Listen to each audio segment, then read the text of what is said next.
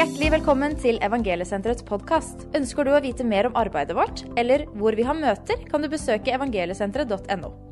Ønsker du å støtte Evangeliesenteret, kan du gjøre det ved å besøke vår hjemmeside eller vippse oss til 27755. Vi trenger din hjelp for å nå ut til mange med sitt rusproblem. Tusen takk for din gave. Det er en glede for meg å kunne dele Guds ord med deg i dag. Vi skal lese om eh, Abraham, han som ble kalt troens far. Jesus han er jo troens opphavsmann og fullender, men eh, Abraham er altså troens far, til forbilde for oss. I Romerne kapittel 4 så eh, skriver Paulus nettopp om Abraham. Og eh, Abraham ble jo opphavet til Israels folk. Men han ble også opphavet via trellkvinnen Hagar til det som i dag kalles for de som er arabere. Så denne trellkvinnen Hagar ble da opphavet til araberne, og Sara ble da mor og sammen med Abraham opphavet til Israel og til hebreerne. Og i Romerne 4 så skal vi lese fra vers 18. Da alt håp var ute, trodde han med håp at han skulle bli far til de mange folkeslag etter det som var sagt, slik skal din ett bli. Han ble ikke svak i troen og var ikke opptatt av sitt eget legeme, som allerede var utlevd, siden han snart var 100 år. Heller ikke var han opptatt av Saras døde mors liv. Han tvilte ikke i vantro på Guds løfte, men han ble styrket i troen idet han ga Gud ære. Og han var helt overbevist om at det han hadde lovt, det var han også i stand til å gjøre. Og derfor ble det regnet ham til rettferdighet. Nå ble det ikke skrevet bare for hans skyld at den ble tilregnet ham.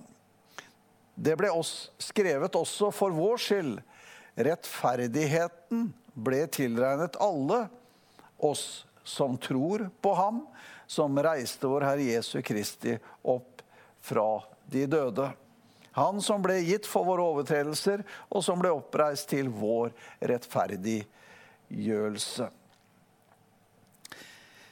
Og han var helt overbevist om at det han hadde lovt, det Gud hadde lovt, det var han, altså Gud, også i stand til å gjøre. Det som er Abrahams tro, er knyttet til Gud, men også Guds løfte. Så Abraham trodde Gud. Og han trodde det Gud talte inn i hans liv. Det løftet som Gud gav Abraham om at han skulle bli far. Noe som menneskelig sett, som vi skjønner Han var 100 år. Og Sara, hun hadde et morsliv som i den beskrivelsen ikke har muligheter til å bære liv. I den situasjonen, med på den ene side en tro på Gud og en tro på Guds løfte, og på den andre siden en 100 år gammel kropp og en kvinne som ikke hadde et morsliv som kunne unnfange noe. Det var dødt, står det. Det var ingen muligheter. I den situasjonen så er jo Abraham på vei fra Karan til Kanan, til dette løfteslandet. Ja, tenk deg det. Gud hadde tenkt å forflytte Abraham. og etablere med Abraham et folk i dette landet. En mektig historie som i dag er jo oppfylt for lenge siden, og som vi også ser at Abraham han fikk løftesønnen. Han fikk Isak og Israels folk. Jødefolket ble et faktum. Men han fikk også barn med denne trellkvinnen Hagar, som også er et faktum. Araberfolket, de er også blitt mange. Men det løftet til Abraham fra Gud, det gjaldt noe som skulle etableres med et utgangspunkt som var umulig. Tenk at Gud gir et sånt et løfte når mulighetene egentlig for at det skal skje, ikke er til stede. Ja, det vil si at Gud har den muligheten til å gjøre det mulig, enda det ikke er mulig. Derfor blir det mulig for den som tror. For Gud gjør det umulige mulig, og det er der troen kobles inn. Og så nevnes det her at denne tro som Abraham hadde på Gud og på hans løfter, det gjorde at Abraham ble tilregnet rettferdighet. Det vil si at eh, han ble da en som levde i pakt med Gud. I pakt med Gud gjennom sin tro. Ikke bare på Gud, men på det Gud sa til ham, og de løfter Gud ga. Han hadde en full tillit. Ja, Vi leste jo her. Han hadde en overbevisning om at når Gud hadde sagt det, så var det også slik det kom til å bli. Og Derfor så er det så flott beskrevet her også at han, han ser jo på utgangspunktet, da. Han ser jo på en kropp som er eldre. Og han ser jo på Sara og skjønner at egentlig så er det ikke noe mulighet her. Men allikevel, i den situasjonen, så står det noe så fantastisk at han tvilte ikke. Han ble ikke vantro. Med Guds løfte på ene siden og det umulige på den andre siden. Men det sto at han ble styrket i sin tro. Hva var det som gjorde at han ble styrka i sin tro? Jo, han ga Gud ære. Han var Gud lydig. Han æra Gud for det han hadde sagt. Fordi det løftet Gud hadde gitt. Så han eh, holdt Gud høyt i livet. Høyt holdt han også Guds ord og Guds løfter som en realitet som ikke var der ennå, men som skulle komme. Han visste ikke når, og han fikk jo en eh, forsøk på hjelp, da. Fra kona si Sara, som ville at han eh, heller skulle få barn med denne trellkvinnen da, i et forsøk på å realisere muligheten til å få barn og til å få et folk. Men eh, Gud oppga ikke sitt løfte om Abraham hørte på Sara og gjorde denne litt ulydige handlingen, for det var jo ikke på den måten Gud hadde sagt det skulle bli en ett og et folk. Det skulle komme på et løfte, på et ord ifra Herren. Det umulige skulle skje. Det som ikke hadde liv og ikke hadde mulighet, det skulle bli gitt mulighet. Det skulle bli gitt et liv. Og det er der du og jeg også kan befinne oss mellom Guds løfte og det som synes så veldig umulig. Er det virkelig mulig at det som Gud taler om, at det kan skje? Og at det kan skje i mitt liv, det kan kanskje skje i andres liv, men eh, kanskje ikke i meg. Men Gud, han er den som står bak sitt løfte og bak sitt eget ord. Så når Gud taler, så taler han inn i ditt og inn i mitt liv. Og vi kan tro Gud på hans eget ord. Vi kan tro Gud når han kommer med sine løfter til deg og til meg. Og det er i denne troen For eh, romerbrevet handler jo mye om troens rettferdighet. Og her er Abraham omtalt, og ganske naturlig. For det var troen som gjorde at han ble regna som, eller ble tilregna rettferdighet. Sånn er det også i dag for deg og for meg. Det å tro på Gud kan nesten virke for noen som en umulighet, men for Gud er ingenting mulig. Umulig. Alt er mulig for Gud, og alt blir mulig for den som tror. Guds muligheter er uendelig. Bare det får bli unnfanget. Bare vi får sådd det inn, så det kan feste seg, og så det kan gro, og så det kan vokse. Og så ser vi faktisk at det som synes veldig umulig på et tidspunkt, plutselig så skjer det. Det fantastiske. Det som Gud har talt om. Det som Gud har sagt noe om på forhånd. Det skjer nettopp i ditt og i mitt liv. Derfor er troens liv fantastisk. Fordi at tro handler ikke om det som allerede står der. Det trenger man jo ikke tro til. Det man allerede ser, trenger man heller ikke tro til.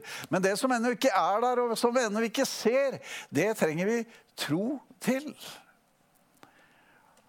Og så blir det at vi kan eh, gå i tro og oppleve nettopp at Gud både oppfyller sitt løfte, at Gud holder sitt ord, og at vi kan, som Abraham, leve i full overbevisning om at det Gud har sagt, det er sant. Det Gud har fortalt, det er sånn det blir. Gud er allmektig. Gud er opphøyet over alt og alle. Gud har alt tilgjengelig, har alle muligheter for ditt og for mitt liv. Tenk at vi er rettferdiggjort av nåde ved tro, sier Efeserbrevet kapittel 2. Det vil si at det som kommer til oss fra Gud, er ikke gitt oss av fortjeneste, men det er nåde. Det er det Abraham også opplever her, at han får noe ifra Gud ikke fordi han i utgangspunktet fortjener det, men fordi han får en slik en nåde fra Gud. Og så eh, er det at Guds verk det begynner å virke i Abrahams liv, og det begynner å virke i ditt og i mitt liv. Og så ser vi at Guds verk, Guds handlinger gjennom våre liv begynner å gjøre seg gjeldende. Tenk at vi er rettferdiggjort av nåde ved tro. Det er jo ingen tilfeldighet at det er slik at himmelen, den nås ikke ved dine og mine gjerninger, men at det er himmelens uttrakte hånd til deg og meg som gjør nettopp det mulige. Ikke det at vi elsket ham, men at han elsket oss først. Ikke det at vi gjorde noe og handlet, men at han gjorde noe og handlet for oss. Det at Jesus kom og tok bolig blant oss. Det at han gikk rundt og gjorde vel. Det Bibelen beskriver om Jesus. Og hvordan han tok til slutt all verdens synd på seg. At han gikk denne korsdødens vei for alle mennesker. Sonte all verdens synd og ga seg selv for den enkelte av oss, ja, for hele verden. At han oppgav sin ånd, ble lagt i grav og gikk i døden, men verken død eller grav kunne holde på ham, så han ble oppreist. Og han lever, og han troner der ved Guds høyre hånd i himmelen. Og han er kommet fra himmelen inn i hjertet på hver den som tror. Så han har en trone i våre hjerter. Og vi får oppleve at det som var helt umulig pga. vår skrøpelighet Du vet, Romerbrevet 8 sier noe om at det som var umulig ja, Hva var det som var umulig? Jo, det var umulig for deg og meg å bli rettferdiggjort ved vårt eget pga. kjødet, altså menneskets skrøpelighet. Vi hadde ingen mulighet til å bli rettferdiggjort. Det gjorde Gud. Og det gjorde Gud ved troens rettferdighet, dvs. Si, troen på Jesus Kristus, han som har gjort det for oss alle der på korset. Så blir det da som Abraham som trodde Gud og trodde Guds løfte. På samme måte kan du og jeg få lov til å tro oss frelst av bare nåde, dette som egentlig er umulig, men som ved løftet gjøres mulig når vi tror på det Gud har sagt i sitt eget ord. Og når vi tar det imot i tro, så får det feste, og så gror det, og så blir det levende. Og så får vi oppleve en frelse og et samfunn med Gud. Ikke bare i trykksvarte. Nei da, det holder ikke. Men vi får et gudsforhold i Den hellige ånd, som gjør at det gudsordet, det bringer liv med seg. Det bringer legedom med seg. Det bringer gjenopprettelse med seg. Det gjør at du og jeg blir nye skapninger. Ja, Den hellige ånds verk i vårt liv begynner med at vi blir født på ny ved denne ånden til en ny skapning. Og Derfor er vi så glad i Evangeliesenteret at vi kan si nettopp dette. At dersom du er en skapning i Kristus Jesus. Du er en ny skapning i Kristus Jesus.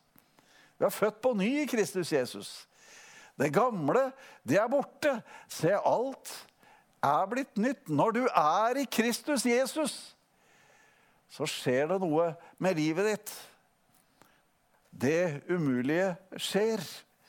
Skal vi se på våre egne ressurser, skal vi se på våre egne muligheter, ja, så kan vi jo nesten miste litt motet. Men på den andre siden så har vi Guds løfter. Tenk at Gud har valgt at det skal bo noe så fantastisk flott i noe så skrøpelig som deg og meg. Tenk at vi har fått guddommelig natur. Tenk at Guds fylde har tatt bolig i oss med alt det skrøpelige vi går og bærer på.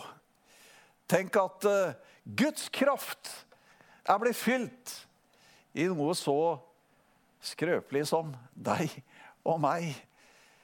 Men i det så er det også skapt noe nytt her inne. En ny skapning. Et nytt liv. En ny fødsel. Som gjør at vi kan uh, gå oppreist gjennom livet.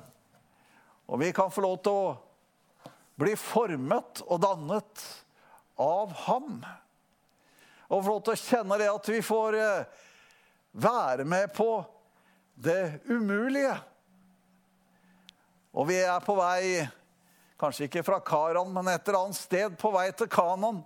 På vei til eh, løfteslandet som Abraham eh, var, men vi ser jo for oss et løftesland som er himmelen. Som Gud har gitt oss løfte om. Vi skal få lov til å komme dit, og der skal det være mange. Og der skal vi få lov til å se Jesus. Der skal vi få lov til å oppleve himmelen. Der skal vi få lov til å møtes. Det er Guds løfte til hver den som tror og har tatt imot Jesus som Guds sønn, som frelser, som herre og mester, ja, som konge i livet. Takk, Jesus, for at du er nær. Takk for at vi får oppleve Den hellige ånd som i oss bor. Takk for at Den hellige ånd taler sannhetens ord. Takk at vi har mulighet til det umulige. At vi kan regnes og tilregnes Guds rettferdighet i Kristus Jesus av nåde ved tro. Og at vi har blitt tildelt et nytt liv. Og at vi er blitt Guds barn. At vi er blitt nye skapninger. Det som var umulig, det er mulig på grunn av det du har gjort. Derfor så har vi fått liv, og vi er blitt født på ny ved Den hellige ånd, ved ditt ord. I Jesu navn. Amen. Takk for at du lyttet til Evangeliesenterets podkast. Vi håper at dette budskapet skal være til en velsignelse for deg.